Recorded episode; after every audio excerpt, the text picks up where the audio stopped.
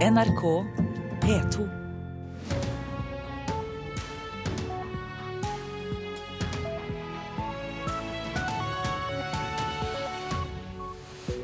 Vel møtt til Nyhetsmorgen onsdag 12. november. Dette er hovedsaker 6.30. Stadig flere asylsøkere vil få opphold i Norge til tross for Frp i regjering. Det viser tall fra Integrerings- og mangfoldsdirektoratet. Kollisjonen mellom buss og trikk i Oslo i går kunne gått mye verre hvis ikke strømmen til trikken hadde kortsluttet. Hvis noen eh, kommer borti denne strømførende, hvis den hadde vært strømførende, så kunne det gått eh, riktig gærent. Lars Grimsgaard fra Oslo brann- og redningsetat. KrF og Senterpartiet foreslår et forbud mot genmanipulert mais. Nå har regjeringa innført en praksis der de plutselig sier at det her er tillatt, og kanskje mange andre òg. Derfor syns vi det er nødvendig å foreslå et forbud i Stortinget og få satt en klar praksis. Nestleder i SV, Bård Vegar Solhjell. Og denne stemmen kan forsvinne. Ja! Steg to! Gå over broen! Mari Maurstad har vært Dolly Duck-stemmen i flere år, men en lønnskonflikt kan føre til at den blir byttet ut. Stadig flere asylsøkere og flyktninger vil få opphold i Norge. Det skjer selv om Frp lovet en mer restriktiv innvandrings- og flyktningpolitikk. Tall fra Integrerings- og mangfoldsdirektoratet viser at 10 000 utlendinger vil få oppholdstillatelse hvert år de neste årene. Det er en økning på 2000 fra i år, og på hele 7000 siden 2012. Nå reiser direktoratet rundt i Kommune-Norge for å skaffe alle flyktningene tak over hodet. Alle må bidra, hvis ikke vil dette ikke gå opp. Regiondirektør Ohene Aboaji i Integrerings- og mangfoldsdirektoratet er på rundreise til kommunene på Vestlandet.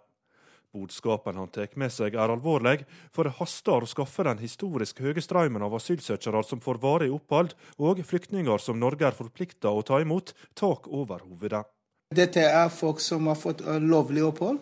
De skal ikke til noen sted enn å være i Norge. Strømmen av flyktninger og asylanter som kan få opphold i Norge, kommer samtidig som Frp sitter med handa på rattet i asyl- og innvandringspolitikken. Nestleder i Frp, Per Sandberg, er blant de som har sagt at innvandringa vil kvele velferdsstaten, men heller ikke Sandberg kan avlyse IMDi sine prognoser for åra som kommer. Nei, altså, ingen, man kan ikke avlyse noen ting, men tallene viser at så langt de ti første månedene i 2014 Eh, sammenlignet med 2013 så har det blitt mindre antall asylsøkere som kommer til Norge. Men vil ikke det være et brudd på Frp-velgerne sine forventninger til partiet, om en ser at det blir flere flyktninger og asylsøkere til, til Norge som får opphold i åra som kommer? Bråtet overfor eh, Frp-velgerne og tillitsvalgte folkevalgte det er visst at vi ikke vi følger opp det som vi har sagt i vårt handlingsprogram vedtatt på vårt landsmøte. Og det er det jeg sier, Denne regjeringa har iverksatt en hel rekke tiltak for å redusere asyltilstrømningen til Norge. For å redusere antall flyktninger som kommer til Norge. Og i mye større grad hjelpe og bistå i nærområdene, så flyktningstrømmen avtar. Det er vår lovnad til velgerne, og det holder vi. SV sin stortingsrepresentant Karin Andersen er derimot ikke overraska over at Norge må bu seg på å ta imot stadig flere som vil få innvilga opphold i Norge. Nei, Nå har vi den største flyktningkatastrofen i verden siden andre verdenskrig. Det er krig i verden. Det er derfor folk flykter. De kommer jo ikke hit for å irritere Fremskrittspartiet. Og da har vi en plikt til å sikre folk som eh, flykter fra krig og forfølgelse. Men det store tallet mennesker med oppholdsløyve gjør at mottakene fylles opp. 4000 mennesker sitter nå og venter på en kommune å bo i.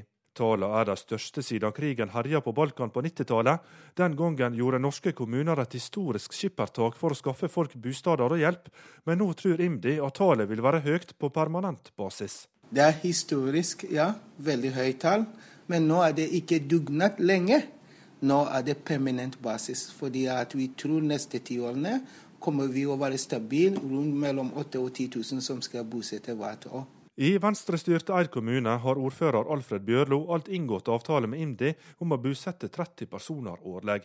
Bjørlo er positiv til å ta imot flere innbyggere, men ser samtidig at det er et politisk paradoks. Ja, det er det, men nå har vi den utfordringa vi har.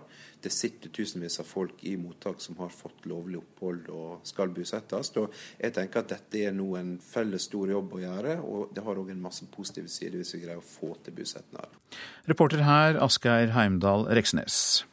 Og 13,6 millioner flyktninger er nå på flukt fra krigene i Irak og Syria, opplyser FNs høykommissær for flyktninger. Kina og USA kunngjorde i morgentimene mer konkrete mål for reduksjon av CO2-utslipp enn de har gjort før. For første gang setter Kina en dato for når utslippene skal ned. Kina tar sikte på kutt fra 2030, mens USAs utslipp skal være lavere enn 2005-nivået eh, innen 2025.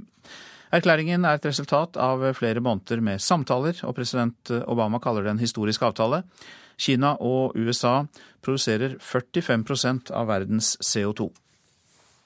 I Oslo ble fire sendt til sykehus, og ingen ble kritisk skadd da en buss og en trikk kolliderte i går. Men det kunne gått så mye verre dersom trikkens kjøreledning ikke hadde falt ned og kortsluttet.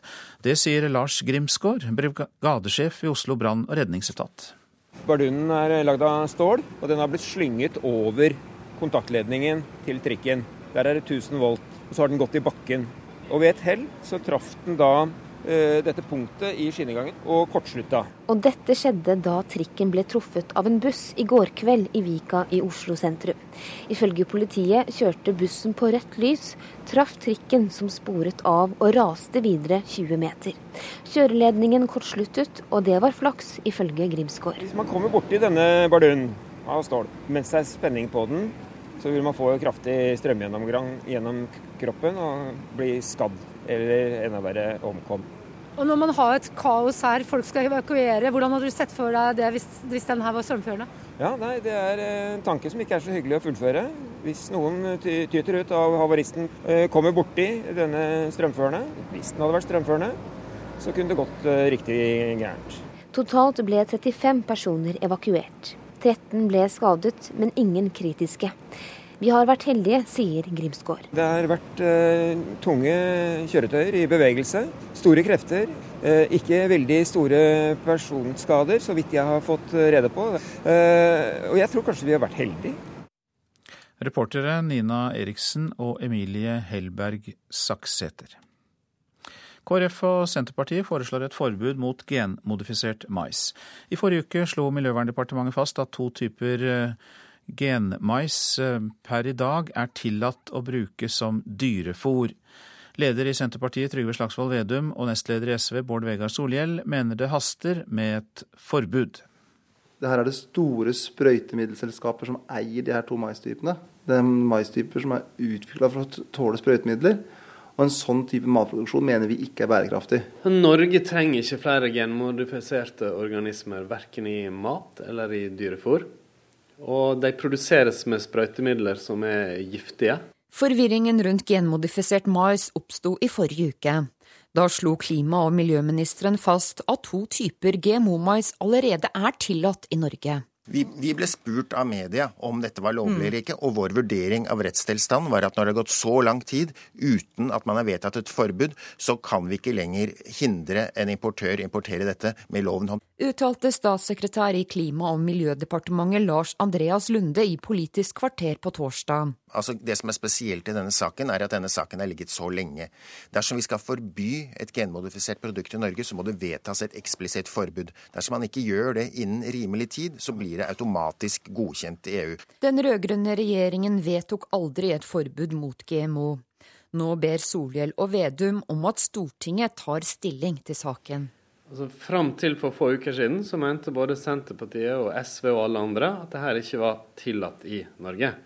Nå har regjeringa innført en praksis der de plutselig sier at dette er tillatt, og kanskje mange andre òg. Derfor syns vi det er nødvendig å foreslå et forbud i Stortinget og få satt en klar praksis. Det er usikkert om det er flertall for et GMO-forbud i Stortinget. KrF har vedtatt at partiet skal følge føre-var-prinsippet når det gjelder GMO.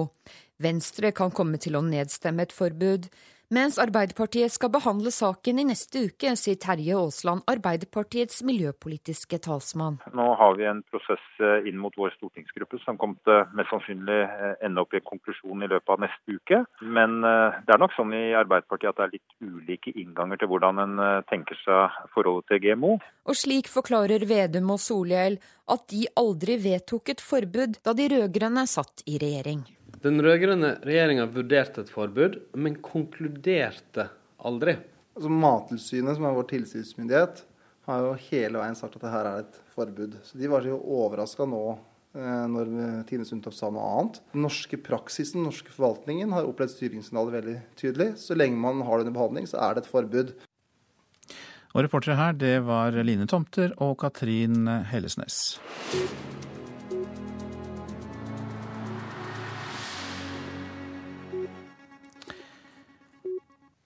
VG-saken om mobbeofferet Odin som til slutt tok sitt eget liv 13 år gammel, har skapt mye debatt de siste dagene.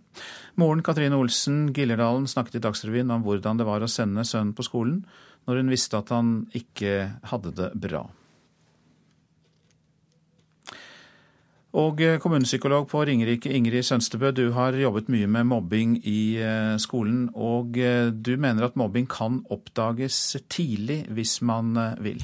Ja, det mener jeg. Men da må man jobbe systematisk og med større innsats enn på mange skoler i dag. Og du har jo hatt flere mobbere og ofre i terapi. Ja. Hvordan virker det inn på dem? De som kommer til meg som har vært utsatt for mobbing, de kommer med ulike problemer. Veldig ofte finner du angst og depresjon, et knust selvbilde. Mange sliter med traumesymptomer, ganske høye sådan. Det finnes selvskading, og du finner flere som Odin som rett og slett bare ønsker å dø. Nå er vi jo som voksne vant til at vi kan ta imot litt av hvert av kritikk, ikke sant. Det er en del av voksenlivet. Men du beskriver jo da en situasjon for de som er mobbeofre som er så mye mer alvorlig. Hva er grunnen til at det er så viktig å skjerme barn mot mobbing? Fordi det er så skadelig, både for den som mobber, men også faktisk for den som mobber andre. Og den som mobber andre, den eh, skal kanskje kunne flytte skole for å løse opp i denne knuten, er det noen som foreslår nå. Hva tror du om det? Jeg tenker det er et veldig viktig virkemiddel å ha mulighet til å bruke, men jeg tror ikke det vil løse mange mobbesaker. Det er sjelden det vil bli brukt, tror jeg. Det er sjelden det vil være en god løsning, men noen ganger. Men det som kanskje er en viktigere effekt av å ha et slikt virkemiddel, det er signaleffekten om at mobbing tillates ikke. Det er ikke noe vi godtar. Og jeg tror også det vil kunne få flere foreldre til mobbende barn på banen. Så det å eh, flytte en mobber fra en skole til en annen, det er ikke en ideell løsning? Du mener mer at det kan brukes eh, for å gi et signal? Nei, jeg mener ikke det skal brukes for å gi et signal. Det skal brukes for å stoppe de mest alvorlige sakene der man har prøvd alt annet. Og der alternativet er at barnet som har blitt mobbet, og barnets familie selger hus, foreldre bytter jobber og flytter bort for å få en trygg situasjon. Men det at virkemidlet er mulig å bruke, mener jeg vil gi et viktig signal som kan ha en svært viktig effekt. Nå eh, blir det sagt bl.a. av mobbeombudet i Buskerud at eh, ja, kanskje ikke disse mobbeprogrammene som settes i gang på flere skoler, har den ønskede virkning. Hva er din erfaring med det? Mobbeprogrammene, hvis du velger de som virkelig er godt evaluert, de er kjempebra. De har veldig god effekt. Men de krever stor innsats, større enn skolen ofte klarer å yte. Og de blir ofte ikke gjennomført fullt ut, og da virker de ikke så godt. Og jeg mener også at man kan komme langt på vei ved andre og kanskje litt enklere virkemidler enn disse omfattende programmene. Hvilke er det? Det første du må gjøre, er jo å legge vekt på å bygge opp et positivt miljø. Og det skolene kan gjøre da, er f.eks. å innføre trivselslederprogrammene, der du får gode forbilder blant barna, positive aktiviteter i friminuttene osv. Det er ganske enkle program å bruke, krever ikke så veldig mye. Men til tross for det, så vil noen oppleve mistrivsel og mobbing, og de må vi oppdage. Jeg tror hovedproblemet er at for få av de barna som plages på skolen, blir oppdaget. Fordi barna skjuler dette her, fordi de skammer seg så veldig. De tenker det må være noe galt med meg som ikke blir bedre likt. Og ofte blir de truet til å være stille også. Og det er da skolene må jobbe systematisk for å avdekke disse forholdene. Og det kan de gjøre på flere måter. Eh, ved å bruke informasjon fra mange kanaler. De må virkelig oppfordre foreldre aktivt å ta kontakt ved det minste problem som barna viser. De må ha trivselsundersøkelser jevnlig i klassene som er anonyme, gjerne to-tre ganger, fire kanskje ganger i året, og bruke undersøkelsene, bruke resultatene, ikke la dem ligge i en skuff. Så kan de ha eh, loggbøker for barna, f.eks., hvor barna eh, svarer på enkelte spørsmål f.eks. hver fredag. Hvordan har du hatt det forrige uke? vite om noen barn som vi trenger å hjelpe som ikke har det så bra, osv. De kan bygge sosiogram for å se hvilke barn som er populære og hvilke som ikke blir likt. Og dermed så får de til slutt et godt grunnlag til, til å vurdere miljøet og se hvilke tiltak som må settes i gang. Vi får håpe at eh, de som har ansvaret på skolene, nærmest satt og tok notat når du snakket nå, Ingrid Sønstebø. Du er jo kommunepsykolog på Ringerike. Men eh, det er jo eh, muligheter for å få den informasjonen du og andre kommunepsykologer sitter på for skolene. Det er det absolutt. Det er full mulighet for det. Og det siste budskapet jeg vil si, tro på barna. De velger ikke å gå inn i en offerrolle og fortelle at de blir mobbet, hvis ikke det er noe i det. Tro på barna. Tusen takk, Ingrid Sønstebø, som altså er kommunepsykolog på Ringerike. Ja, du lytter altså til Nyhetsmorgen, og vi har tittet på avisene i dag også. Bedrageri, underslag, bestikkelser og forfalskninger. VG skriver om utro tjenere i Nav. Siden 2007 er fem Nav-ansatte dømt til flere måneders fengsel. Datatilsynet påpeket for to år siden at Nav ikke har gode nok rutiner for intern kontroll. Mindre spesialundervisning ga bedre resultat på prøvene. Adresseavisen forteller om fem skoler i Midtre Gauldal som har halvert spesialundervisningen. Dermed oppnådde elevene bedre resultater på de nasjonale prøvene. Skolene brukte alternative undervisningsmetoder, praktiske oppgaver og mer gruppearbeid.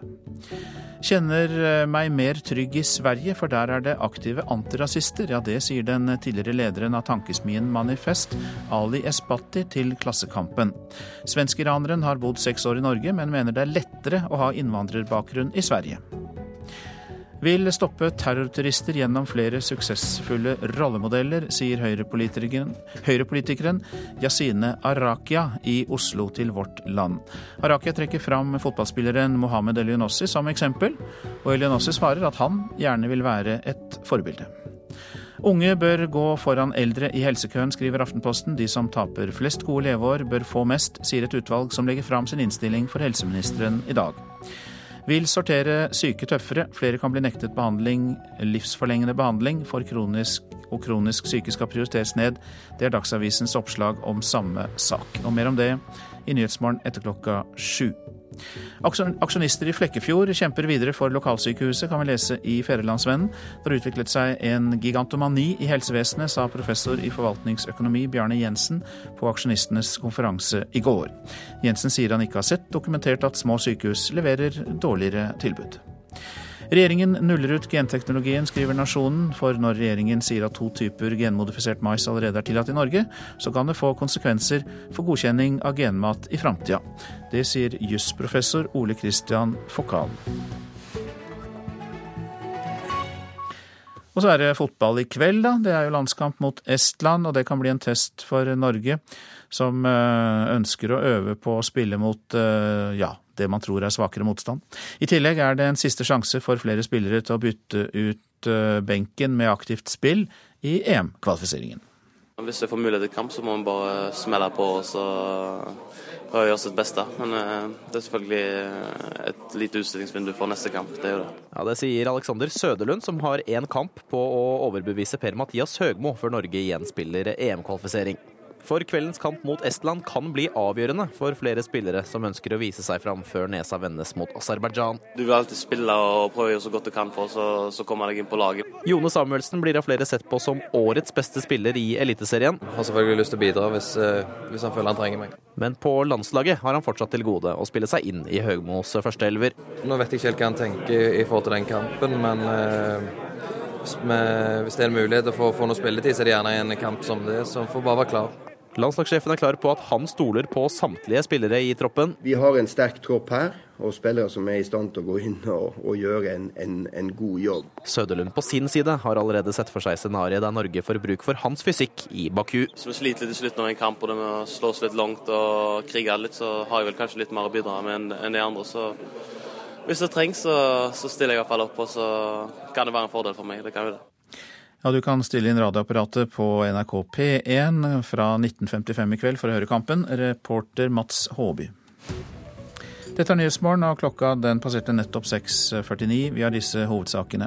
Stadig flere asylsøkere og flyktninger vil få opphold i Norge. Det skjer selv om Frp lover en mer restriktiv innvandrings- og flyktningepolitikk. Det viser altså tall fra Integrerings- og mangfoldsdirektoratet. Kina og USA er enige om mer konkrete mål for reduksjon av CO2-utslipp enn de har gjort før. Kina og USA produserer 45 av verdens CO2. KrF og Senterpartiet foreslår et forbud mot genmodifisert mais, etter at Miljøverndepartementet sier at to typer genmais er tillatt som dyrefòr.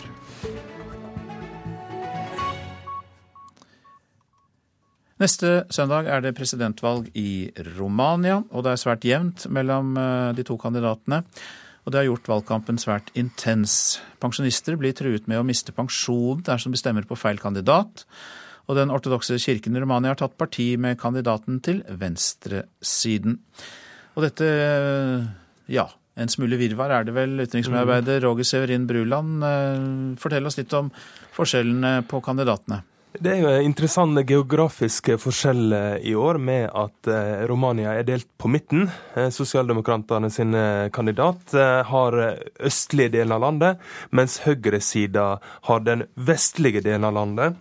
Eh, også eh, den høyresida sin kandidat, som da er katolikk. Han har de unge sine stemmer, mens venstresida sin kandidat har de gamle sine stemmer. Så her er det mange klare skillelinjer. Og det er jo mange som kaller det her et, et skjebnevalg, et, et veivalg for Romania. En del av de eh, nye EU-landene i øst eh, har jo slitt en del med å få demokratiet på plass, og det har vært eh, korrupsjon. Er det fortsatt i mange av disse landene? Har du noen eksempler på skitne triks i denne valgkampen? Eh, det har vært en del. Eh, jeg har fått en del tips, faktisk. Eh, at det går spesielt på eldre folk i landsbyene som får telefon. Gamle bestemødre får telefon fra noen som utgir seg fra å være fra rådhus og sier at hvis de ikke stemmer på den og den, så vil de miste pensjonen. Det, det kan de jo ikke gjøre, men en kan true med det, og, og folk kan tro på det. Eh, samtidig så har det jo også kommet sånne lapper i posten fra kirka om at eh, eh som en god ortodoks kristen så må du ikke stemme på katolikken.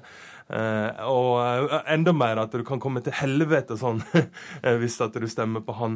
Uh, så det har vært en del sånn manipulasjon som uh, iallfall på lokalt nivå. Og så har, en kan jo ikke knytte det mot politikerne på nasjonalt nivå, men det viser jo at det er et kynisk system som nå driver og strammer opp sine velgere mot et veldig jevnt valg. Jeg kan også legge til at en en av de mer skandaløse episodene eh, skjedde da noen kasta en sekk med høns eh, mot en eh, høyrekoalisjons hovedkvarter, eh, der det sto en, en lapp på, på hver eh, høne at eh, at han Johannis, da, høyresida sin kandidat, var en kylling som ikke ville møte til debatt. Det var jo da dagen før den store debatten mellom kandidatene. De debatterte jo i går heftig.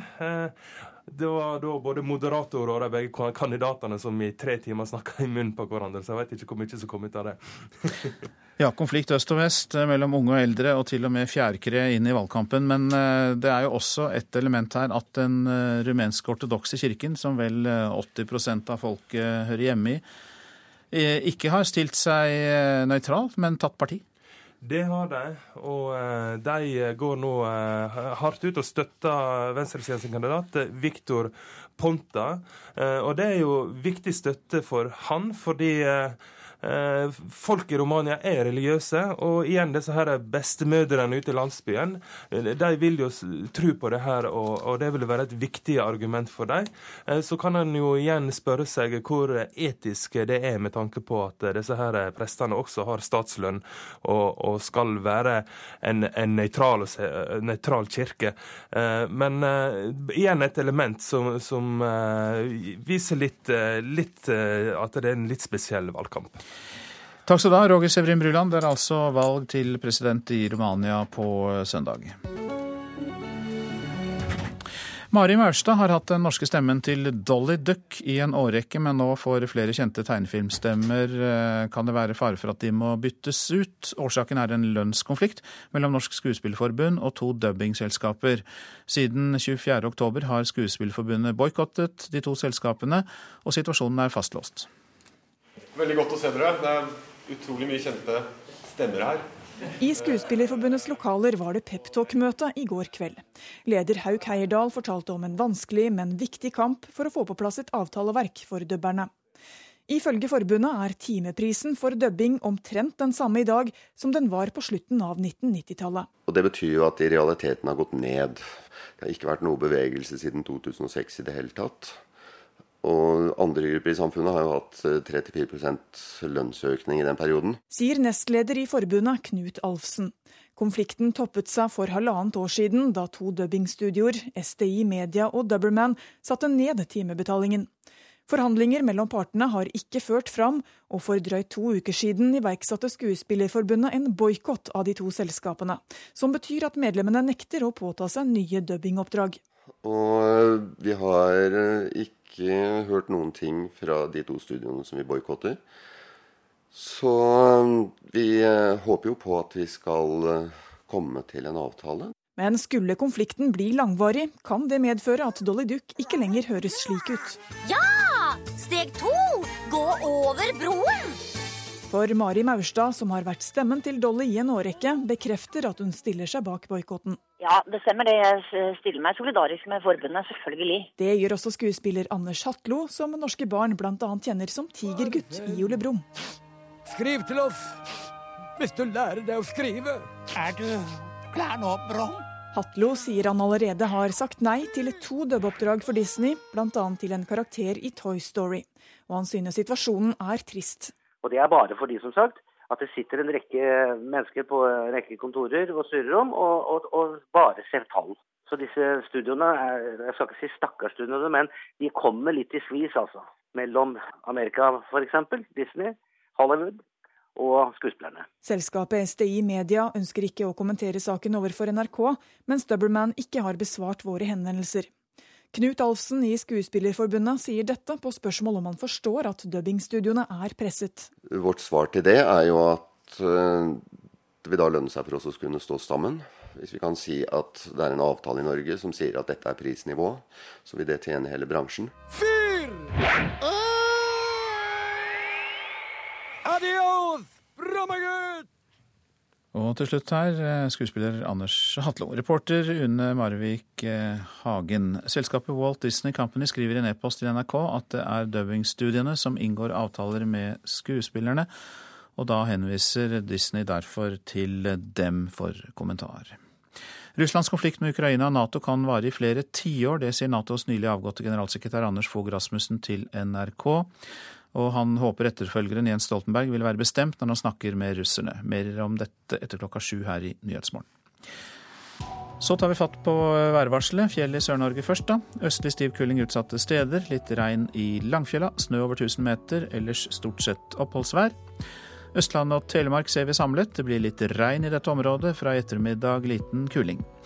Agder på kysten økende til stiv kuling. Vest for Lindesnes sterk kuling, og det blir litt regn. Rogaland østlig sterk kuling utsatte steder og litt regn. Hordaland østlig stiv kuling utsatte steder, også der etter hvert tilskyende vær og litt regn. Sogn og Fjordane østlig liten kuling utsatte steder, pent vær, fra i ettermiddag tilskyende, riktignok. Møre og Romsdal stort sett pent vær, i kveld skyer det til. Trøndelag stort sett pent vær, fra i ettermiddag østlig stiv kuling i Trøndelag.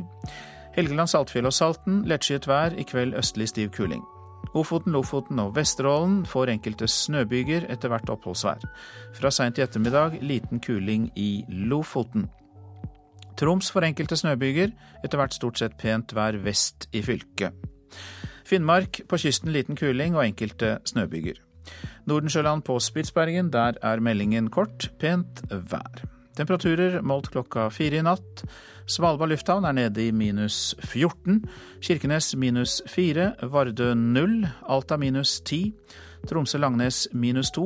Bodø 0. Brønnøysund og Trondheim-Værnes begge med pluss 1 grad. Molde med 2. Bergen-Flesland 6. Stavanger 11. Kristiansand-Kjevik 8. Gardermoen 4. Lillehammer 1. Røros har ikke overraskende Minusgrader, selvfølgelig. Minus seks er det der, mens Oslo-Blindern hadde pluss seks klokka fire.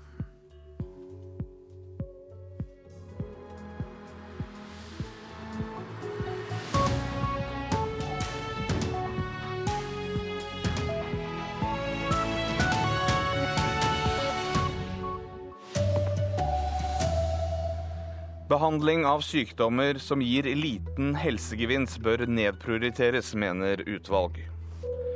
Og stadig flere asylsøkere vil få opphold i Norge. Dette skjer selv om Frp er i regjering. Her er NRK Dagsnytt klokka sju. Det bør brukes mindre penger på undersøkelser og behandlinger som gir en liten helsegevinst. Det sier lederen av Prioriteringsutvalget for helsevesenet, professor Ole Fridtjof Norheim, som i dag legger fram sin innstilling. Vi setter ikke en prislapp på hvor mye et menneskeliv er verdt, men vi eh, anbefaler at man ser på kostnader i forhold til hvor mye man får ut av behandlingen. Eh, og Jeg er jo professor i medisinsk etikk, og jeg mener at det er nærmest uetisk å ikke ta hensyn til ressursbruk. For hvis vi ikke tar hensyn til ressursbruk, så er det andre usynlige tapere i helsetjenesten som kommer dårligere ut. Rundt 13,6 millioner mennesker er nå på flukt fra krigene i Syria og Irak. Mange er uten mat og tak over hodet når vinteren kommer. Det sier FNs høykommissær for flyktninger, Amid Awad. Han frykter at verden er i ferd med å bli ufølsom for flyktningenes behov. Verdens matvareprogram har nylig redusert matrasjonene til 4,5 millioner mennesker, og pengemangel kan tvinge organisasjonen til ytterligere reduksjoner neste måned. Stadig flere asylsøkere og flyktninger kommer til å få opphold i Norge. Det skjer til tross for at Frp lovet en mer restriktiv innvandrings- og flyktningepolitikk. Tall fra myndighetene viser at 10 000 utlendinger vil få oppholdstillatelse hvert år de neste årene. Det er en økning på 2000 fra i år, og på hele 7000 siden 2012. Nå reiser direktoratet rundt i Kommune-Norge for å skaffe alle flyktningene et sted å bo. Alle må bidra, hvis ikke vil dette ikke gå opp. Regiondirektør Ohene Aboaji i Integrerings- og mangfoldsdirektoratet er på rundreise til kommunene på Vestlandet. Budskapen han tar med seg er alvorlig, for det haster å skaffe den historisk høye strømmen av asylsøkere som får varig opphold, og flyktninger som Norge er forplikta å ta imot, tak over hovedet. Neste år er det venta 10 000 flyktninger og asylsøkere får oppholdsløyve. Dette er 2000 mer enn i år, og 7000 mer enn i 2012. Det er historisk, ja. Veldig høyt tall. Vi tror neste ti årene kommer vi å være stabile rundt mellom 8000 og 10 000 som skal bosette hvert år. Reporter her Asgeir Heimdal Reksnes. Senterpartiet krever innholdsmerking av alkohol for å gi bedre informasjon til allergikere og diabetikere, skriver Vårt Land. EU har nå tillatt mer enn 50 tilsetningsstoffer i vin. Partiets forslag skal behandles i helsekomiteen på Stortinget. Alkohol er i dag unntatt fra kravet om innholdsmerking. NRK Dagsnytt, Sjan Erik Bjørnskau. Og her fortsetter eh, Nyhetsmorgen. Hva sier en professor i helseøkonomi om at et utvalg foreslår hardere prioritering i helsevesenet? Det får du mer om i Nyhetsmorgen. Tidligere Nato-sjef Anders Fogh Rasmussen frykter tiår med konflikt om Ukraina. Forskning på høyreekstremisme har fått mindre penger. Forskningsmiljøet ved FFI er bekymret og frykter at miljøet kan forvitre. Og mer om CO2-enigheten mellom Kina og USA får du også her. Bør unge pasienter prioriteres foran eldre? Ja, antyder prioriteringsutvalget for helsevesenet, som i dag legger fram sin innstilling for helseministeren. For ifølge utvalget så bør prinsippet om flest mulig gode leveår være styrende, og det kan hjelpe den 43 år gamle MS-pasienten Therese Paslavski Rødland. Og et attakk kan gjøre at du blir lam i beina, du kan miste synet på øynene. Du kan eh, få dårligere evne til å bruke hodet. Manglende behandlingskapasitet i Norge gjør at hun står i kø for å få en privat og kostbar stamcellebehandling i utlandet. Det er nok sånn i dag at de som roper høyest, eh, kommer lettest til. Det sier professor Ole Fridtjof Norheim ved Universitetet i Bergen, som har ledet utvalget. De ønsker at norsk helsevesen skal foreta tydeligere prioriteringer. Vi anbefaler at man ser på kostnader i forhold til hvor mye man får ut av behandlingen. Eh, og Jeg er jo professor i medisinsk etikk, og jeg mener at det er nærmest uetisk å ikke ta hensyn til ressursbruk. For hvis vi ikke tar hensyn til ressursbruk, så er det andre usynlige tapere i helsetjenesten som kommer dårligere ut. Blant annet mener utvalget at det i dag blir gjennomført for mange utredninger av folk som har smerter i f.eks. rygg eller ledd. De som har disse plagene eh, skal få god hjelp, men det er ikke nødvendigvis sånn at alle som skader et kne, trenger å få en eh, MR-undersøkelse av kneet f.eks. Legene må ta stilling til om det kan være nok å undersøke eh, kneet på vanlig måte, og at man litt strammere prioriterer hvilke utredninger man velger og hvilke henvisninger man gjør. Utvalget har også blitt bedt om å vurdere hvor stor rolle alder bør spille for om noen skal få behandling. Det bør ikke være et selvstendig kriterium, men kan likevel bli viktig, innrømmer Norheim. Alder i seg sjøl er ikke det som er relevant, men det som er relevant er jo at eh, unge pasienter som f.eks. dør altfor tidlig, de vil tape mange gode leveår. Så dermed blir det indirekte relevant hvis vi helsehjelpen kan gi de mange ekstra gode leveår. Og som eksempel på sykdommer som bør prioriteres høyere, nevner han altså MS. Pasienter eh, som har multipel sklerose, har nedsatt funksjonsevne, og de taper mange gode leveår sammenlignet med de som får et normalt liv. Så de anbefaler vi skal ha ekstra prioritet. Therese Paslavski Rødland er foreløpig i full jobb. Men medisinen hun går på er ikke nok til å stoppe MS-sykdommen. Hun er derfor villig til å ta opp lån for å få dyr behandling i Sverige eller Russland. Aller helst så håper jeg at eh, jeg sjøl og de andre som trenger stamcellebehandling og som ønsker det, skal få det hjemme i Norge. Det er mange som ønsker det, det er mange som trenger det. Og personlig så har jeg jo ikke lyst til å reise til Russland og gjøre dette, men jeg gjør det hvis jeg må. MS-pasient Therese Pavlavski Rødland og reportere her Tom Ingebrigtsen og Veronica Westerin. God morgen, Erik Nord. God morgen. Du er professor i helseøkonomi ved Universitetet i eh, Oslo. Og utvalget vil altså legge vekt på kostnader og nytten av behandlingen mer enn vi gjør i dag. Enig i det? Det syns jeg høres uh, interessant ut at de foreslår, og jeg lurer på om de da kanskje går litt lenger enn de burde. Uh, det er jo klart at vi må legge vekt på uh, hva ting koster, og at vi kan ikke bruke store summer på ting som gir liten effekt. Men hvis utvalget vil eh, legge avgjørende vekt på størrelsen av effekten, så kommer vi litt galt ut. Eh, jeg kan ta et enkelt eksempel med at du har to forskjellige pasientgrupper som er like alvorlig syke, og den ene kan det gjøres mye for, og den andre kan det ikke gjøres så mye for, men fortsatt noe vesentlig. Hvis man legger veldig stor vekt på behandlingseffektens størrelse, så vil man prioritere den første gruppen.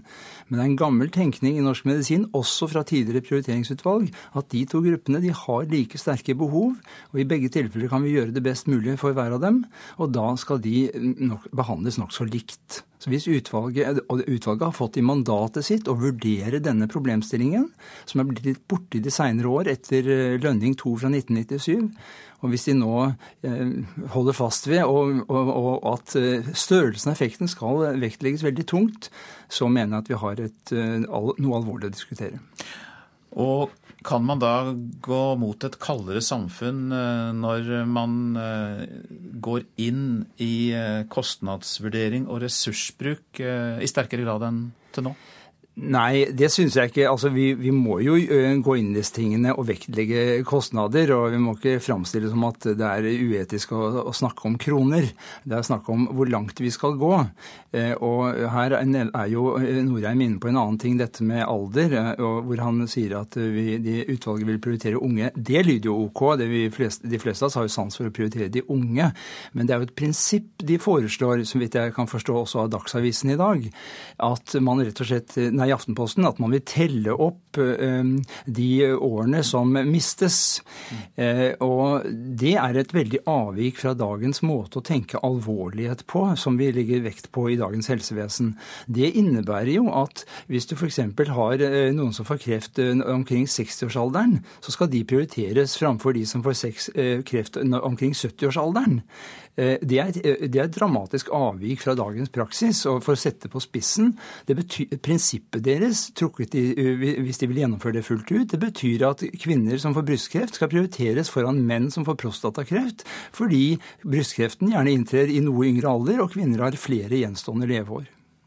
Men eh, prinsippet hører vel, ikke, hører vel, ikke, så galt ut når du tenker på den, eh, det sterke vitnesbyrdet vi fikk fra Therese Pavlaski Rødland her, altså MS-pasienten, som var veldig glad for nettopp det, at man da altså vurderer de antall år hun som 43-åring vil ha igjen sammenlignet med en mye eldre person. Nå er det allerede sånn at man vektlegger jo eh, symptomstyrken og, og, og, hvor dårlig prognosen er, slik at de som har sykdommer som eh, gir veldig dårlig livskvalitet, eller dårlig livskvalitet, de vil jo prioriteres i dag framfor de som får sykdommer som ikke gir så dårlig livskvalitet. Så, så på et vis er jo hun allerede ivaretatt. Om i tillegg man skal vektlegge at hun har fått dette på en tidligere alder enn det andre kanskje får seinere, det er eh, ikke så opplagt. Til slutt, kan dette med hardere prioriteringer mellom eh, ung og gammel, mellom uh, ulike behandlingsformer, føre til mer privat helsevesen? Fordi de som da ikke blir prioritert, har da kanskje penger til å bruke på private løsninger? Det tror jeg vi må regne med. Med stigende velstand så, og mer og mer opptatt av helse, så, så må vi regne med det. Uansett? Ja, og med økte Det er visst også et forslag om økte egenandeler, så, så da blir jo også prisforskjellen mindre. så... Da tror du på at det blir mer private løsninger etter hvert. Takk skal du ha, Erik Nord, som altså er professor i helseøkonomi ved Universitetet i eh, Oslo.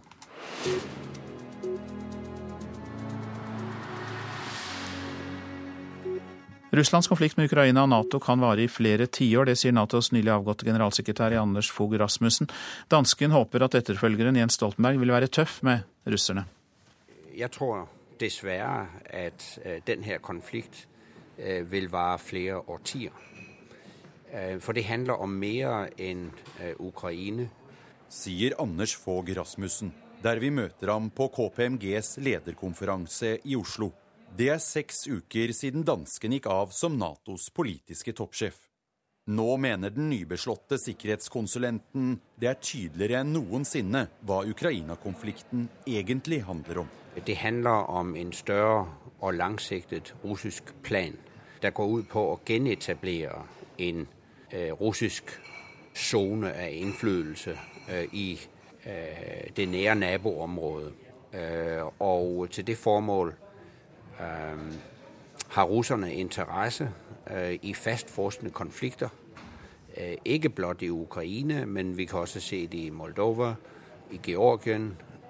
Og det langsigtede russiske mål er å skape et alternativ til Nato og et alternativ til EU, den såkalte Eurasian Union. Og Derfor tror jeg at det her det vil vare i mange år. I, i mange, mange år. Har du noen råd til eh, din etterfølger Jens Stoltenberg på hvordan han bør håndtere Russland? Øh, jeg tror ikke jeg behøver å gi ham råd. Øh, men jeg kan si at min egen erfaring er at den beste måte å skape samarbeid med Russland på, det er å demonstrere enhet og fasthet. Og det tror jeg derfor er rett avgjørende for Nato. Jeg syns det har vært en god start. Øh, den linje som vi hadde lagt, øh, er blevet fortsatt, så vidt jeg kan se. Og det er klart at Jens Stoltenbergs største utfordring øh, det blir Natos forhold til Russland. Det sa tidligere Nato-generalsekretær Anders Fogh Rasmussen, reporter Sindre Heierdal. Vi har kontakt med deg, Moskva-korrespondent Morten Jentoft. Og eh, når du hører disse vurderingene fra Fogh Rasmussen, er det grunn til å være bekymret og tro på at konflikten kan vare i flere tiår? Ja, eh, nå har jo eh, ikke Fogh Rasmussen vært kjent for å være den kanskje mest eh, diplomatiske og eh, russiskvennlig forståelig i denne konflikten. her, sånn at Sånn sett så er vel ikke hans ganske skarpe og negative, pessimistiske uttalelser eh, særlig overraskende. Men samtidig så er det jo eh, mye som tyder på at eh, dette kan bli en, eh, en veldig langvarig konflikt. Nå har altså separatistene øst i Ukraina gjennomført sin egen folkeavstemning. I går var det flere av dem som sa det at nå er tiden kommet til helt å løsrive seg fra Ukraina.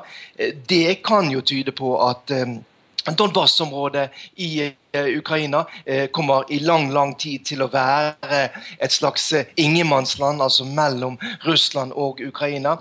Og Dermed så får vi en ny fastlåst konflikt i Europa, på samme måte som den som vi har med utbryterrepublikkene Abhasia, Sør-Osetia i Georgia og Transniester i, i Moldova, som var nevnt her.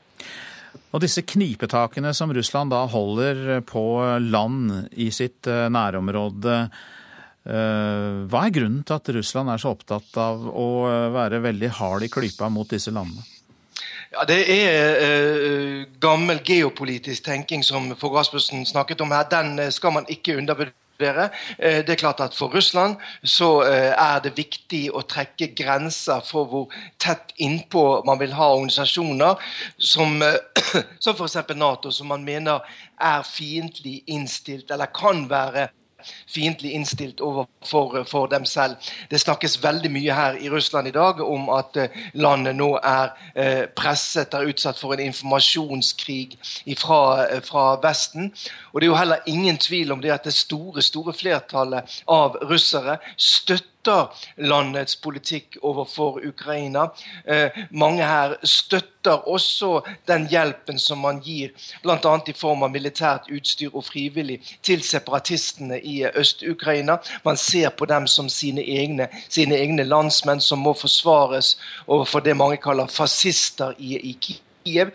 Sånn at uh, det er en folkelig støtte, i alle fall slik som situasjonen er nå da, her i Russland, for den politikken som man fører eh, i Ukraina.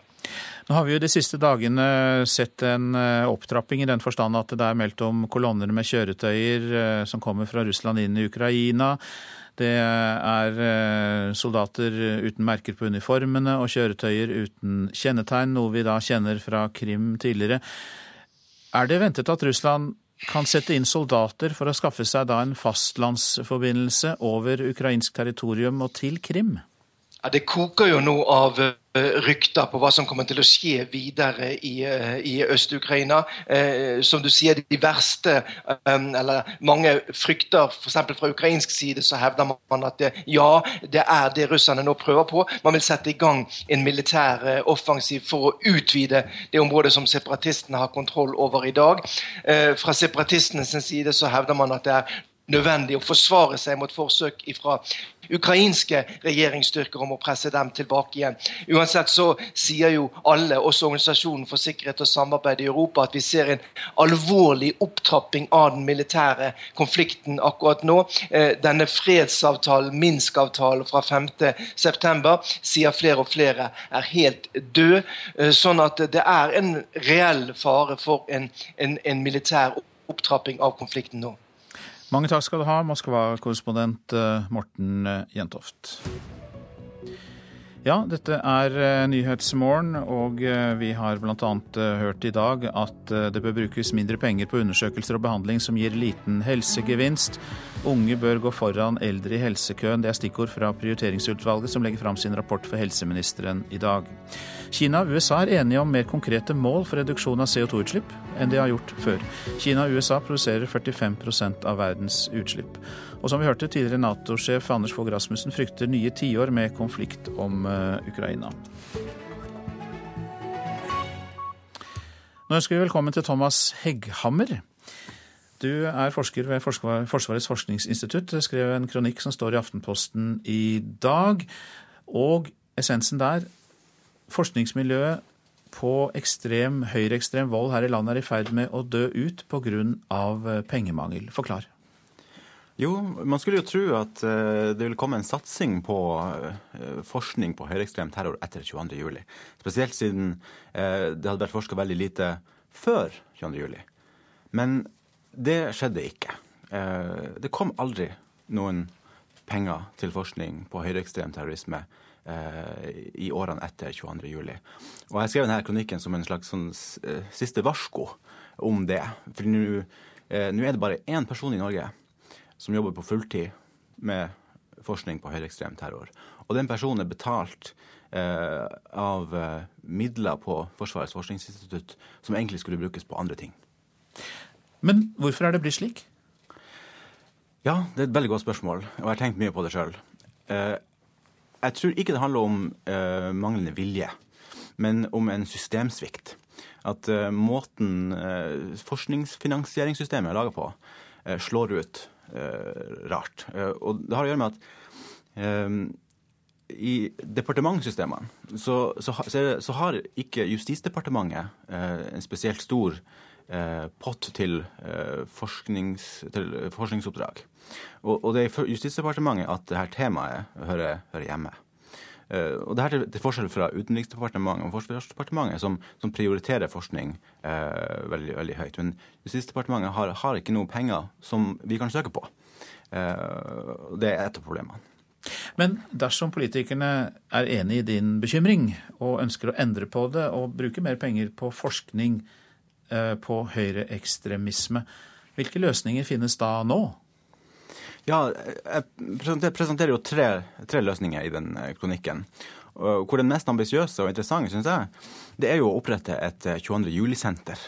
Eller Uh, ha, altså ha, et, forskningssenter dedikert til uh, høyreekstremismeforskning. Det vil sikre, sikre langsiktighet.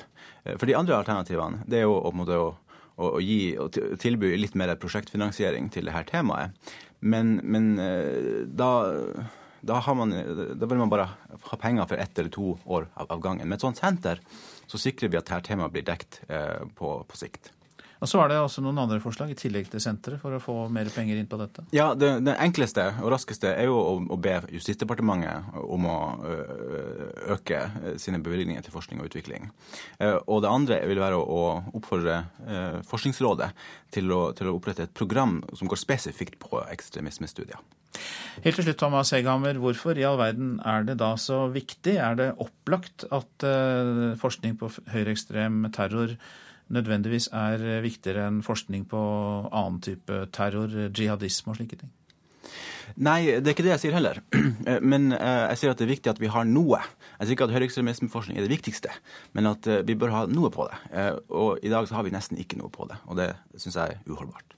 Takk skal du ha, Thomas Hegghammer, som altså jobber som forsker på FFI. Kina og USA kunngjorde i morgentimene mer konkrete mål for reduksjon av CO2-utslipp enn de har gjort før. For Kina er det første gang de setter en dato for når utslippene skal ned. Erklæringen ble kunngjort etter et toppmøte i Beijing i dag, og president Barack Obama håper de to land kan samarbeide på flere områder. Og Asia-korrespondent Peter Svaar, du var på pressekonferansen. Hvordan vurderer du nyheten om reduksjon av CO2-utslipp? Dette er en stor nyhet, og tallfestede utslippsmål er det største konkrete resultatet av Obamas tre dager lange besøk eh, her i Beijing. Derfor kalte han det selv også for historisk og for en milepæl i forholdet mellom de to landene.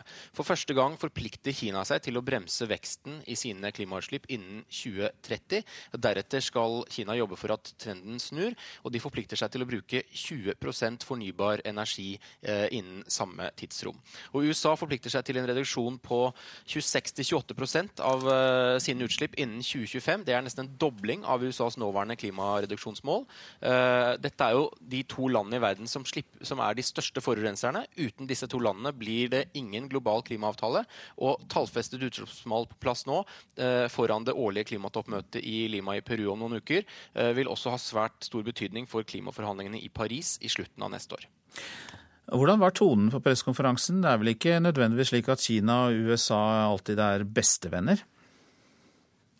Jeg vil si at Tonen var som forholdet ellers også er mellom de to landene. Respektfull og imøtekommende, men eh, på spørsmål der de er uenige, så kan stemningen bli ganske kjølig. Som da Obama trakk frem menneskerettighetsdialogen, som han kalte for en sunn meningsutveksling med Kina. Han sa at USA verdsetter frihet og menneskerettigheter uansett om man bor i New York eller i Hongkong, og at USA forventer frie demokratiske valg etter denne høsten med opptøyer i eh, Hongkong. Og Xi Jinping svarte da at Occupy Central er en ulovlig ulovlig bevegelse. Han brukte så vidt meg bekjent navnene på protestbevegelsen for første gang. Han sa at loven i Hongkong må respekteres, og han understreket at Hongkong er et utelukkende kinesisk anliggende som ingen andre land på noen måte kan blande seg inn i. Mange takk skal du ha, Asia-korrespondent eh, Peter Svaar. Så til det avisen er opptatt av i dag. Bedrageri, underslag, bestikkelser og forfalskninger. VG skriver om utro tjenere i Nav. Siden 2007 er fem Nav-ansatte dømt til flere måneders fengsel. Datatilsynet påpeket for to år siden at Nav ikke har gode nok rutiner for intern kontroll. Mindre spesialundervisning ga bedre resultater på prøvene. Adresseavisen forteller om fem skoler i Midtre Gauldal som har halvert spesialundervisningen. Deretter oppnådde elevene bedre resultater på de nasjonale prøvene. Skolene brukte alternative undervisningsmetoder, praktiske oppgaver og mer gruppearbeid. Kjenner meg mer trygg i Sverige, for der er det aktive antirasister. Det sier den tidligere lederen av tankesmien Manifest, Ali Esabati, til Klassekampen. Svenskeraneren har bodd seks år i Norge, men mener det er lettere å ha innvandrerbakgrunn i Sverige. Vil stoppe terrorturister gjennom flere suksessfulle rollemodeller, sier høyrepolitikeren Yasine Arakia i Oslo til Vårt Land. Arakia trekker fram fotballspilleren Mohammed Elionossi som eksempel, og Elionossi svarer at han gjerne vil være et forbilde. Aksjonister i Flekkefjord kjemper videre for lokalsykehuset, kan vi lese i Fedrelandsvennen. Det har utviklet seg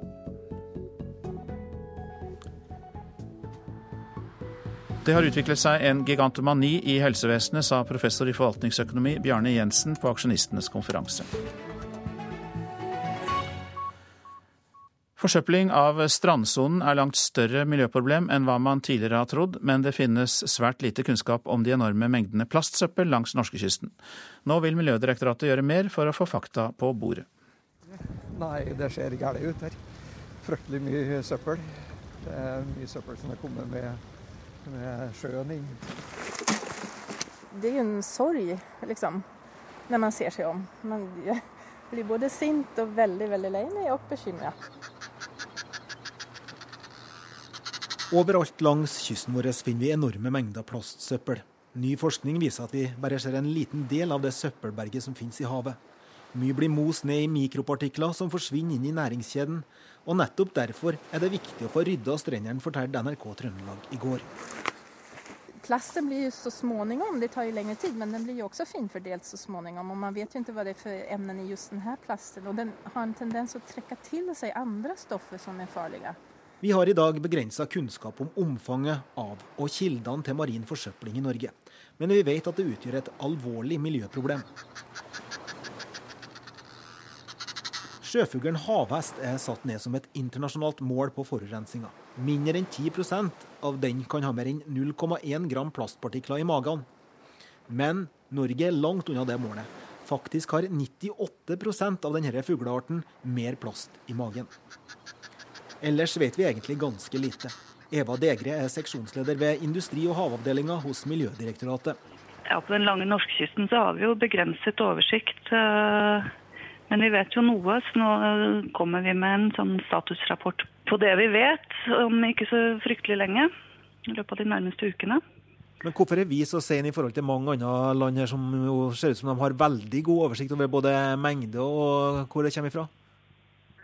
Jeg tror nok at noe av grunnen til det er eh, at å overvåke og rydde og få oversikt over norskekysten, det er en ganske stor utfordring med alle bukter og viker og, som er. En lang kyst å holde orden på. Så vi har jo noe overvåking, men uh, på langt nær nok til å kunne si så mye som kanskje noen av de andre nabolandene våre kan. Som har en litt enklere kystsone å forholde seg til. Kystlinja vår er over 100 000 km lang når man inkluderer øyer, holmer og skjær. Det vil jo også si at vi har et særlig ansvar for at denne plassen blir liggende, og så knuses det mikropartikler som havner inn i systemet. Plast inneholder alt fra DDT til bromerte flammehemmere og en rekke andre miljøgifter. Både eksperimenter og undersøkelser av dyr i felt har vist at disse miljøgiftene kan overføres fra plast til dyr via fordøyelsen. Nå roper altså havforskere i Norge et varsko om at søppelmengden slett ikke blir mindre. Det vi ser nå, det er at det, det, det blir ikke noe bedre, det blir nesten verre. Og Da syns vi det er på tide igjen å, å rope litt høyt og, og, gi beskjed om at marinsøppel er et problem. Og Miljødirektoratet lover en grundig rapport. Ja, da får vi vite om eh, status for eh, kunnskap om marin forsøpling i Norge. Om eh, aktiviteter som foregår og tiltak. Vil det bli foreslått nye tiltak, tror du, for, for å si det sånn? Det, det, ser jo ikke fint ut langs norske strender som det ikke er plukka søppel på, og det er det mange av? Ja, det ligger jo noen tiltak i, i, rapporten, og særlig vanskelig å si i dag hva som blir fulgt opp og ikke. Da. Men det er, det er mange muligheter. Til slutt er Eva Digre, seksjonsleder ved Industri- og havavdelingen hos Miljødirektoratet, og reporter var Kjartan Trana. Vi slår fast at Tonje Grimstad er produsent i dag. Her i studio Øystein Heggen. Og så legger vi til at den nigerianske terrorgruppa Boko Haram påvirker flere naboland. Det får vi mer om i reportasjen etter Dagsnytt.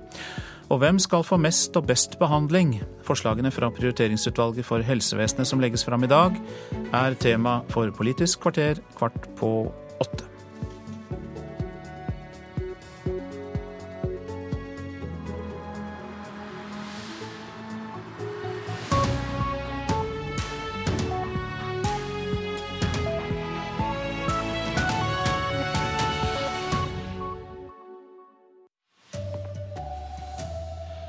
Sykehusene bør nedprioritere sykdommer som gir liten helsegevinst, mener utvalg.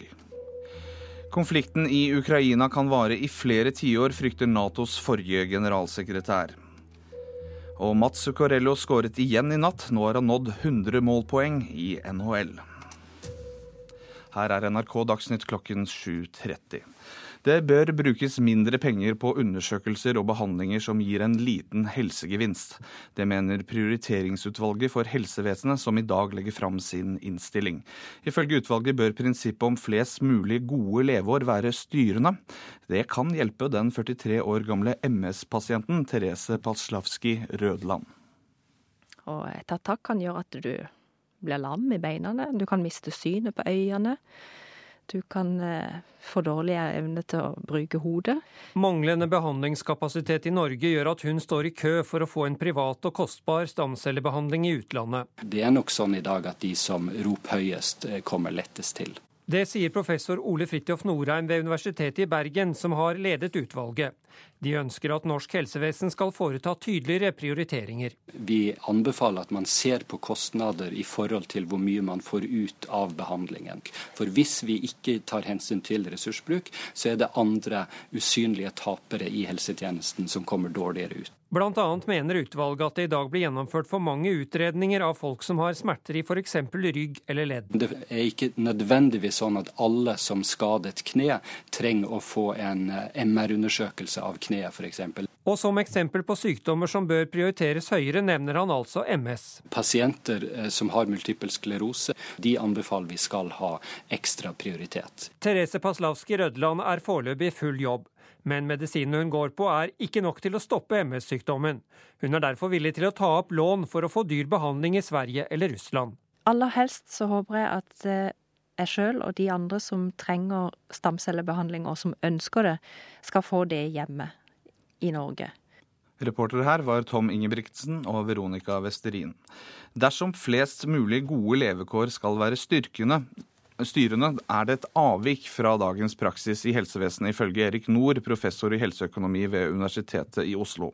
En konsekvens kan være at ulike kreftpasienter blir satt opp mot hverandre. Hvis du f.eks. har eh, noen som får kreft eh, omkring 60-årsalderen, så skal de prioriteres framfor de som får eh, kreft omkring 70-årsalderen. Det, er et dramatisk avvik fra dagens praksis. Og for å sette på spissen det betyr, Prinsippet deres, i, hvis de vil gjennomføre det fullt ut, det betyr at kvinner som får brystkreft, skal prioriteres foran menn som får prostatakreft, fordi brystkreften gjerne inntrer i noe yngre alder, og kvinner har flere gjenstående leveår. Og i Politisk kvarter i P2 klokken 7.45 kommer helseminister Bent Høie for å snakke om denne saken. Russlands konflikt med Ukraina og Nato kan vare i flere tiår. Det sier Natos nylig avgåtte generalsekretær Anders Fogh Rasmussen. Dansken håper etterfølgeren, Jens Stoltenberg, kommer til å være tøff med russerne. Jeg tror dessverre at øh, denne konflikt vil vare flere årtier. For det handler om mer enn øh, Ukraina sier Anders Fogh Rasmussen, der vi møter ham på KPMGs lederkonferanse i Oslo. Det er seks uker siden dansken gikk av som Natos politiske toppsjef. Nå mener den nybeslåtte sikkerhetskonsulenten det er tydeligere enn noensinne hva Ukraina-konflikten egentlig handler om. Det handler om en større og langsiktet russisk plan. Det går ut på å gjenetablere en eh, russisk sone av innflytelse i øh, det nære naboområdet. Og til det formål har russerne interesse øh, i fastforskende konflikter. Ikke blot i Ukraina, men vi kan også se det i Moldova, i Georgien. Og det langsigtede russiske mål er å skape et alternativ til Nato og et alternativ til EU, den såkalte Eurasian Union. Og derfor tror jeg at det her det vil vare i mange år. I, i mange, mange år. Har du noen råd til eh, din etterfølger Jens Stoltenberg på hvordan han bør håndtere Russland? Jeg tror ikke jeg behøver å gi ham råd. Men jeg kan si at min egen erfaring er at den beste måte å skape samarbeid med Russland på, det er at demonstrere enhet og fasthet. Øh, og det tror jeg derfor er rett avgjørende for Nato. Reporter Sindre Heierdal. Ulykkesstedet i Oslo sentrum der en trikk og en buss kolliderte i går kveld, kunne fort blitt langt farligere for de involverte enn det ble, mener brannvesenet. 13 personer ble skadet og 35 ble evakuert etter ulykken. Men ulykken kunne gått mye verre dersom kjøreledningen ikke hadde falt ned og kortsluttet, forklarer Grimsgård. Bardunen er lagd av stål, og den har blitt slynget over kontaktledningen til trikken. Der er det 1000 volt. Og så har den gått i bakken. Og ved et hell så traff den da uh, dette punktet i skinnegangen og kortslutta. Og dette skjedde da trikken ble truffet av en buss i går kveld i Vika i Oslo sentrum. Ifølge politiet kjørte bussen på rødt lys, traff trikken som sporet av og raste videre 20 meter. Kjøreledningen kortsluttet, og det var flaks, ifølge Grimsgård. Hvis man kommer borti denne bardunen av stål mens det er spenning på den, så vil man få kraftig strømgjennomgang gjennom kroppen og bli skadd, eller enda verre omkom. Og når man har et kaos her, folk skal evakuere, hvordan hadde du sett for deg det hvis, hvis den her var strømførende? Ja, nei, Det er en tanke som ikke er så hyggelig å fullføre. Hvis noen tyter ut av havaristen kommer borti denne strømførende, hvis den hadde vært strømførende, så kunne det gått riktig gærent. Reportere her var Nina Eriksen og Emilie Hellberg Saksæter.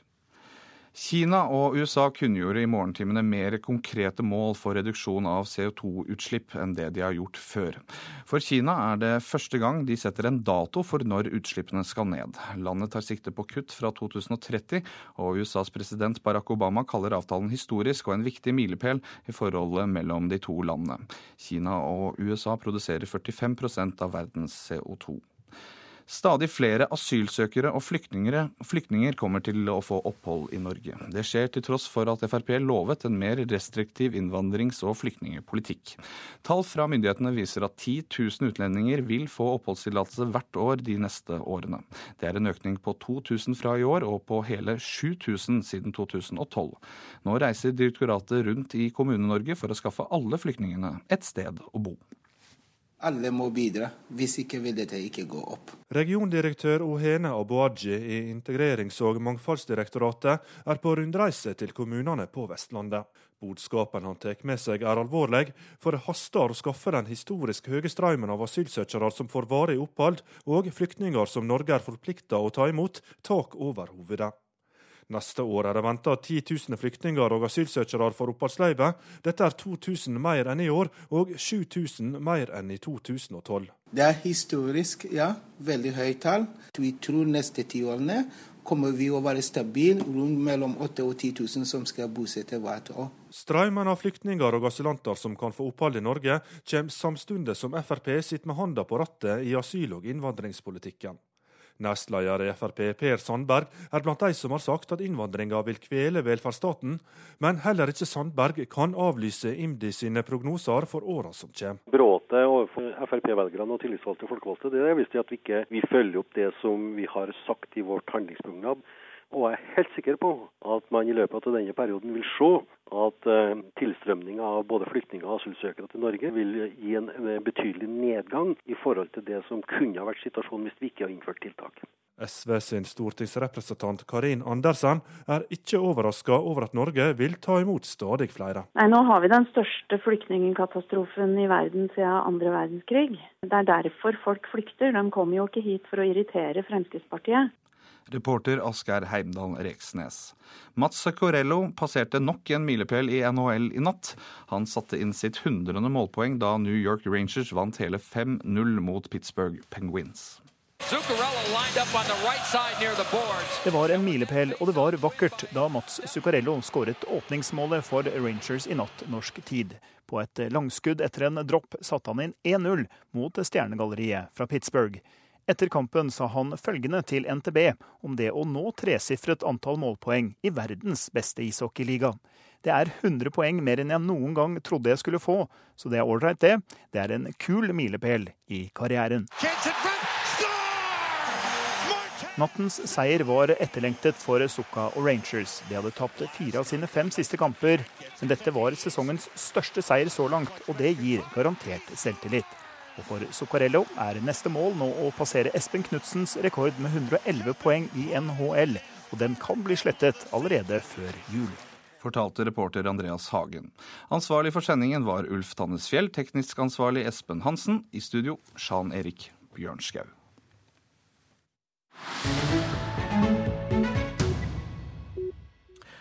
Her i Nyhetsmorgen om den militante islamistiske gruppa Boko Haram, som eh, først og fremst eh, terroriserer Nigeria. Men nå har eh, gruppa også begynt å påvirke livet i flere naboland.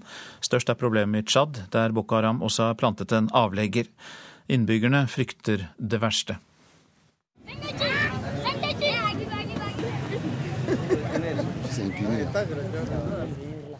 Det er nedgangstider på kvegmarkedet utenfor Tsjads hovedstad N'Djamena. Handel med kveg har tradisjonelt vært landets nest viktigste inntektskilde etter oljevirksomheten. Mange av dyrene har blitt eksportert til nabolandene, og de viktigste kundene har vært i Nigeria, som har vært Afrikas største økonomi. Men sånn er det ikke lenger nå, sier en av kveghandlerne på markedet.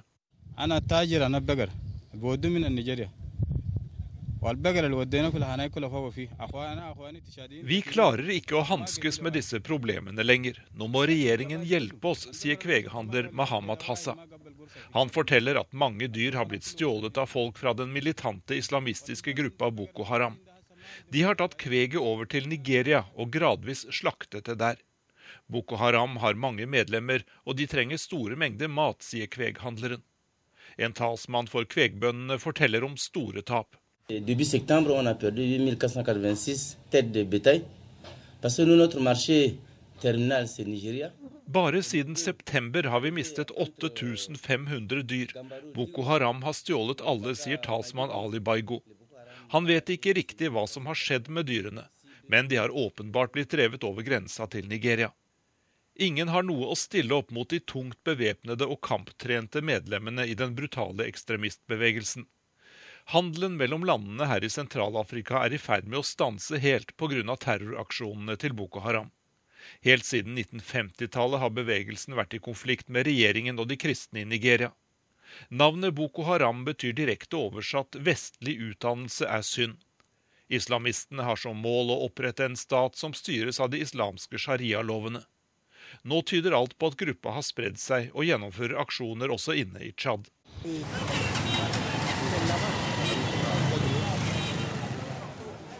På markedet inne i hovedstaden er det heller ikke mye liv og røre, slik det pleide å være før.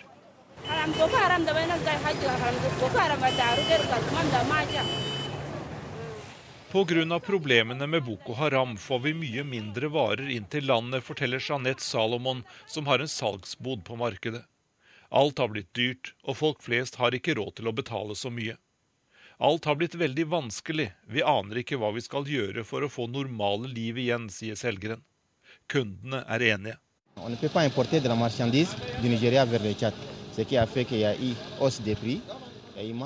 Det kommer ikke lenger varer fra Nigeria til Tsjad, så det er stor varemangel og veldig høye priser for tiden, sier Moussa Diallo.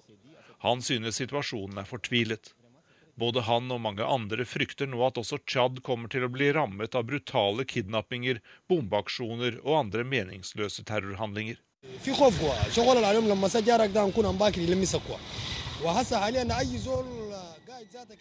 Boko Haram herjer i vårt naboland.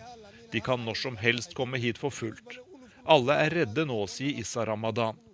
Den unge mannen understreker at meldingene om all volden viser at angrepene har begynt i Tsjad også. Myndighetene i landet er i ferd med å organisere en militær gruppe som skal kjempe mot Boko Haram i grenseområdet mot Nigeria. Men det er få som tror at det er nok til å stanse de militante islamistenes aktivitet i dette området. Og dette innslaget var laget av Jan Espen Kruse. Dette er Nyhetsmorgen, dette er hovedsaker. Det bør prioriteres hardere i helsevesenet og brukes mindre penger på undersøkelser og behandling som gir liten helsegevinst. Det går fram av en utvalgsrapport som legges fram for helseministeren i dag. Kina og USA enige om mer konkrete mål for reduksjon av CO2-utslipp. Kina og USA produserer 45% av verdens CO2. Tidligere Nato-sjef Anders Fogh Rasmussen frykter tiår med konflikt om Ukraina. Og stadig flere asylsøkere og flyktninger kommer til å få opphold i Norge, viser tall fra Integrerings- og mangfoldsdirektoratet. Det skjer til tross for at Frp har lovet en mer restriktiv innvandrings- og flyktningepolitikk. Om eh, få sekunder Politisk kvarter. Programleder er eh, Veronica Westrin.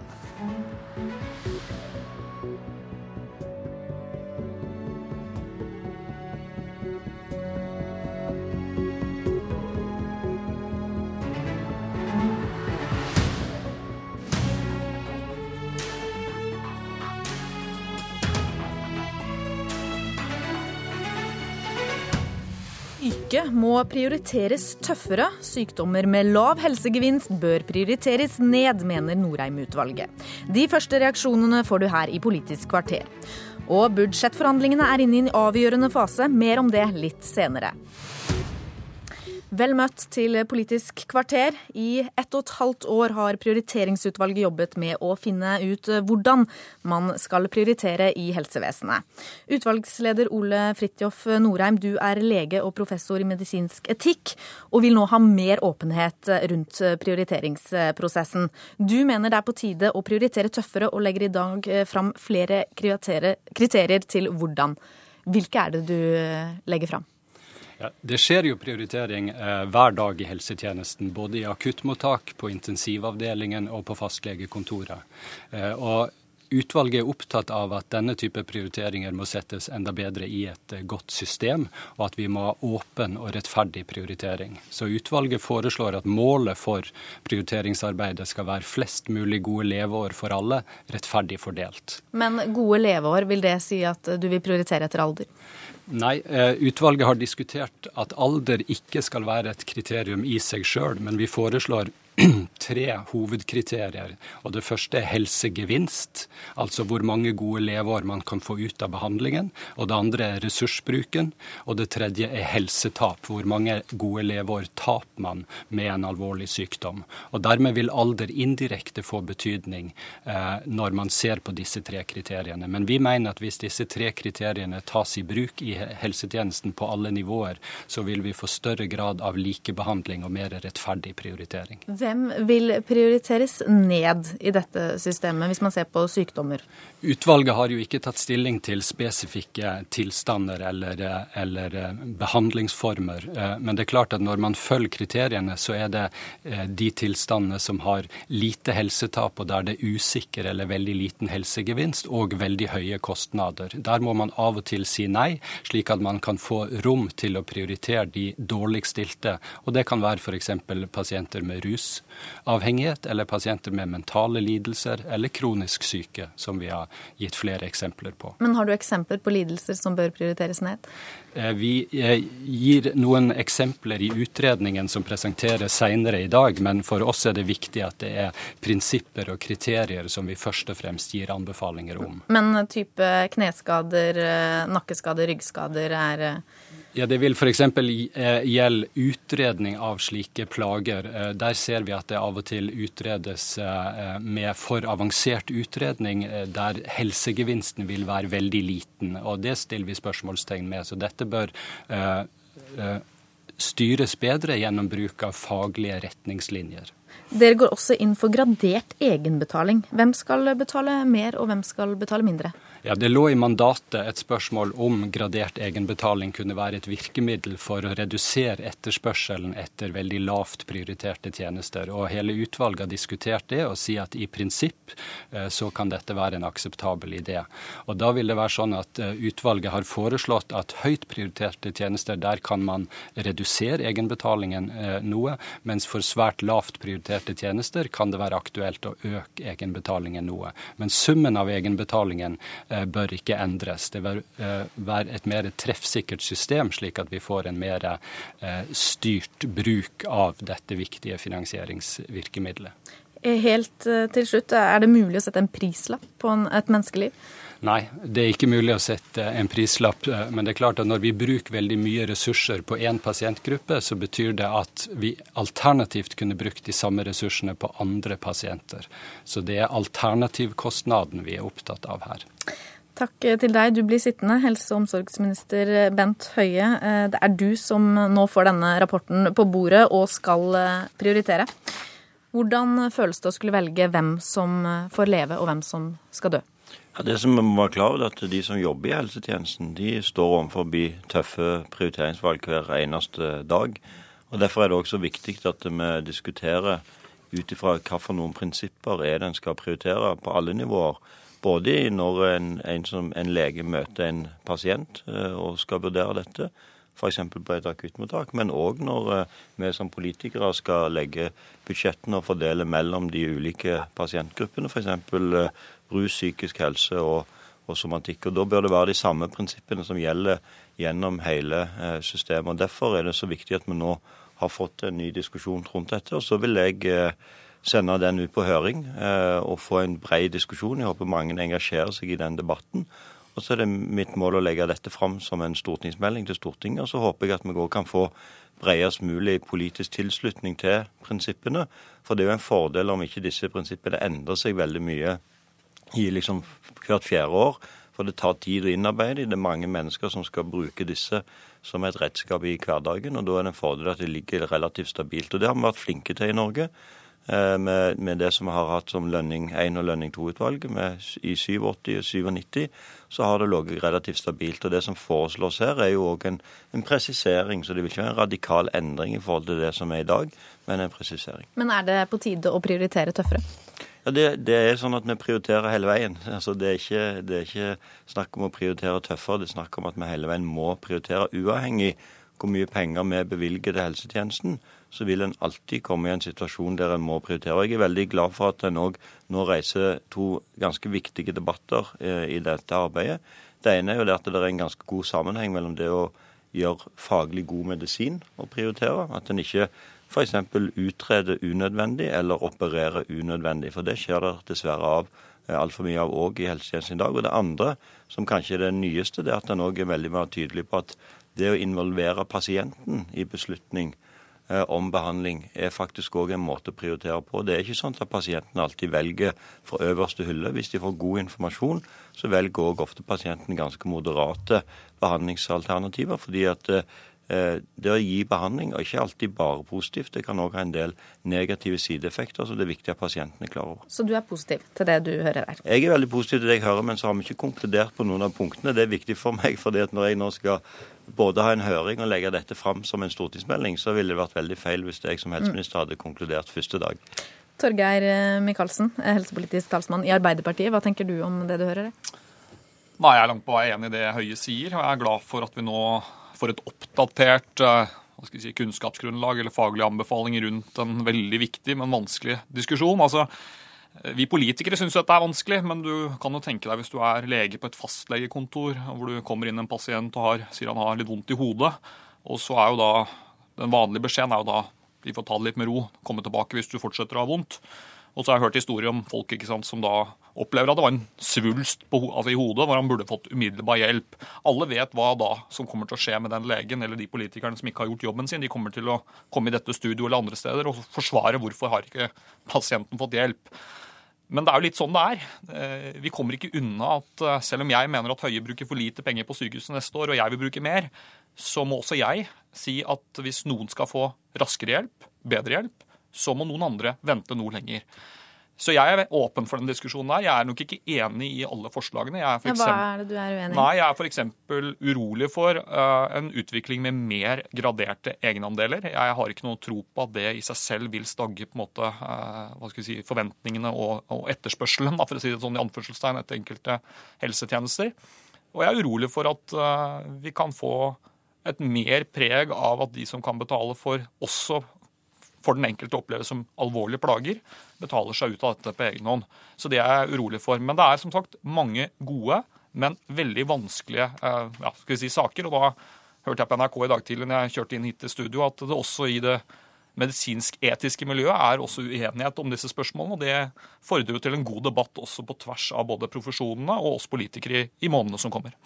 Eh, er du positiv til dette med gradert egenbetaling? Altså Det jo, eh, det løftes jo en helt nødvendig diskusjon på det området. Men eh, det skal ikke være noe tvil om at vi i Norge skal ha lave egenandeler. Og jeg oppfatter heller ikke at utvalget foreslår noe annet. Men jeg gjorde jo en endring i årets budsjett som jeg mener er i tråd med det som utvalget foreslår, nemlig at eh, før så, eller en kort periode så fikk alle over 75 år grat, en gratis eh, tannlegeundersøkelse. Det hadde veldig liten helsegevinst. De fleste over 75 år går til tannlegen.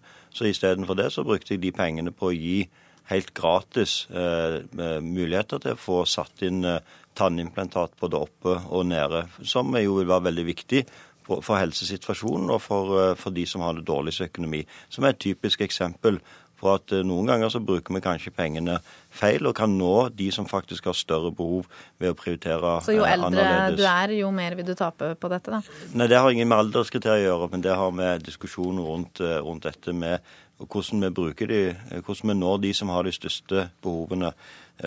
Så er det jo sånn at det er mye i dette utvalget som Eh, som det vil bli diskusjoner med rette. Det er jo f.eks. òg en diskusjon rundt eh, eh, pasienter med sjeldne diagnoser, som jo nå på en måte har en akseptert at en bruker større ressurser på fordi de er færre. Men mm. utvalget egentlig foreslår at de skal inn under de samme prioriteringskriteriene. Det tror jeg blir en viktig diskusjon å ta i årene framover. Ja, nei, altså, det, det, det, Mye kunne sagt om dette. Det jeg er opptatt av, er at vi som politiske ledere skal hjelpe til med å stå i de vanskelige valgene som tas. Og jeg mener vi skal gi leger og andre som må gjøre prioriteringer, hva skal vi si, flere verktøy. F.eks. på fastlegekontoret, hvor de bør få større mulighet til å hjelpe folk der de faktisk bor istedenfor å sende de inn på hva skal vi si, relativt uavklarte diagnoser og andre ting, inn i en veldig dyr spesialisthelsetjeneste. Men kort til slutt, hvis man da ser på alder som skal inngå i dette, disse tre kriteriene, eh, og på diagnoser f.eks. brystkreft og prostata, eh, og prostata rammes eh, kanskje de som er eldre enn de som rammes av brystkreft, vil ikke da man få også sykdommer satt opp mot hverandre her? Ja, Det er jo dette som blir en veldig spennende diskusjon. fordi Det er, ikke, det er klart at når en, når en, presiserer alvorlighetskriterier, sånn som utvalget foreslår, så vil jo en konsekvens eh, nettopp bli at dette med vonde leveår, eh, eller ekstra leveår, vil bli tydeligere i arbeidet. Det er jo en av de temaene som det er utrolig viktig at vi diskuterer. Det registrerer at fagmiljøet allerede er uenig, så det blir en veldig spennende debatt. Takk for at dere var med i Politisk kvarter.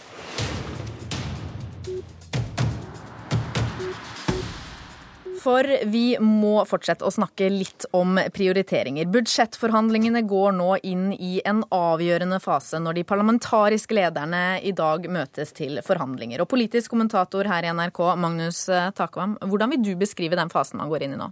Ja, Det er den kritiske fasen. Nå jobber man eh, under veldig tidspress. Man har et håp om å bli ferdig innen fredag, som jo i seg selv er en eh, overskridelse av den første tidsfristen. Og man må lande eh, kompromisser som smerter eh, politisk for alle partiene. Så nå er det finalen, så å si. Ja, Konflikten omkring avgifter, miljø, er en av de store. Hvor vanskelig er den? Den er jo eh, veldig krevende, fordi eh, der er to av partiene, Venstre og Frp, de har sin identitet knyttet på, til politikk på hver sin fløy i, i dette politiske eh, landskapet. Miljø, eh, avgifter. Eh, og her har man forsøkt eh, underveis nå å nærme seg hverandre. Partiet Venstre la i går fram en skisse der de eh, skal vi si, hevdet at de kom eh, Frp et godt stykke i møte. Men eh, selv om det var justeringer opplagt fra Venstres side der, så mener Frp fremdeles at det langt fra er godt nok. Fordi Venstre beholder avgiftsøkninger i stor grad, har også elavgiftsøkning, vil fjerne lettelsene for motorsykkelavgift, eh, campingvogn osv. Så sånn at totalrammen er for Frp, selv om da Venstre har kommet dem i møte, uakseptabel. Så dette er en meget krevende eh, sak i, i, forhandlingene. En annen ting er den sosiale profilen og skatteinnretningen. Hvordan jobbes det med den akkurat nå? Der har man ikke kommet så langt. og eh, altså Hele den store skatteinnretningen har, har, man ikke gått inn i detaljer på. Men man har brukt mye tid på uh, det som er knyttet til den såkalte arbeidslinja, altså dette med barnetillegg for uh, uføretrygdede osv., og, så videre, og også skatteklasse 2. Her insisterer uh, da særlig Høyre, men regjeringspartiene, på at de vil beholde en slik eh, profil. De vil også beholde en profil i eh, formuesskatteletten som kommer eh, de største formue, formuene til gode, altså bedriftene eh, til gode.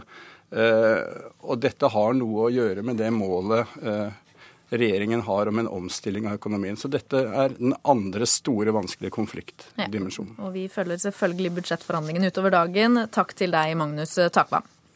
Hør flere podkaster på nrk.no podkast.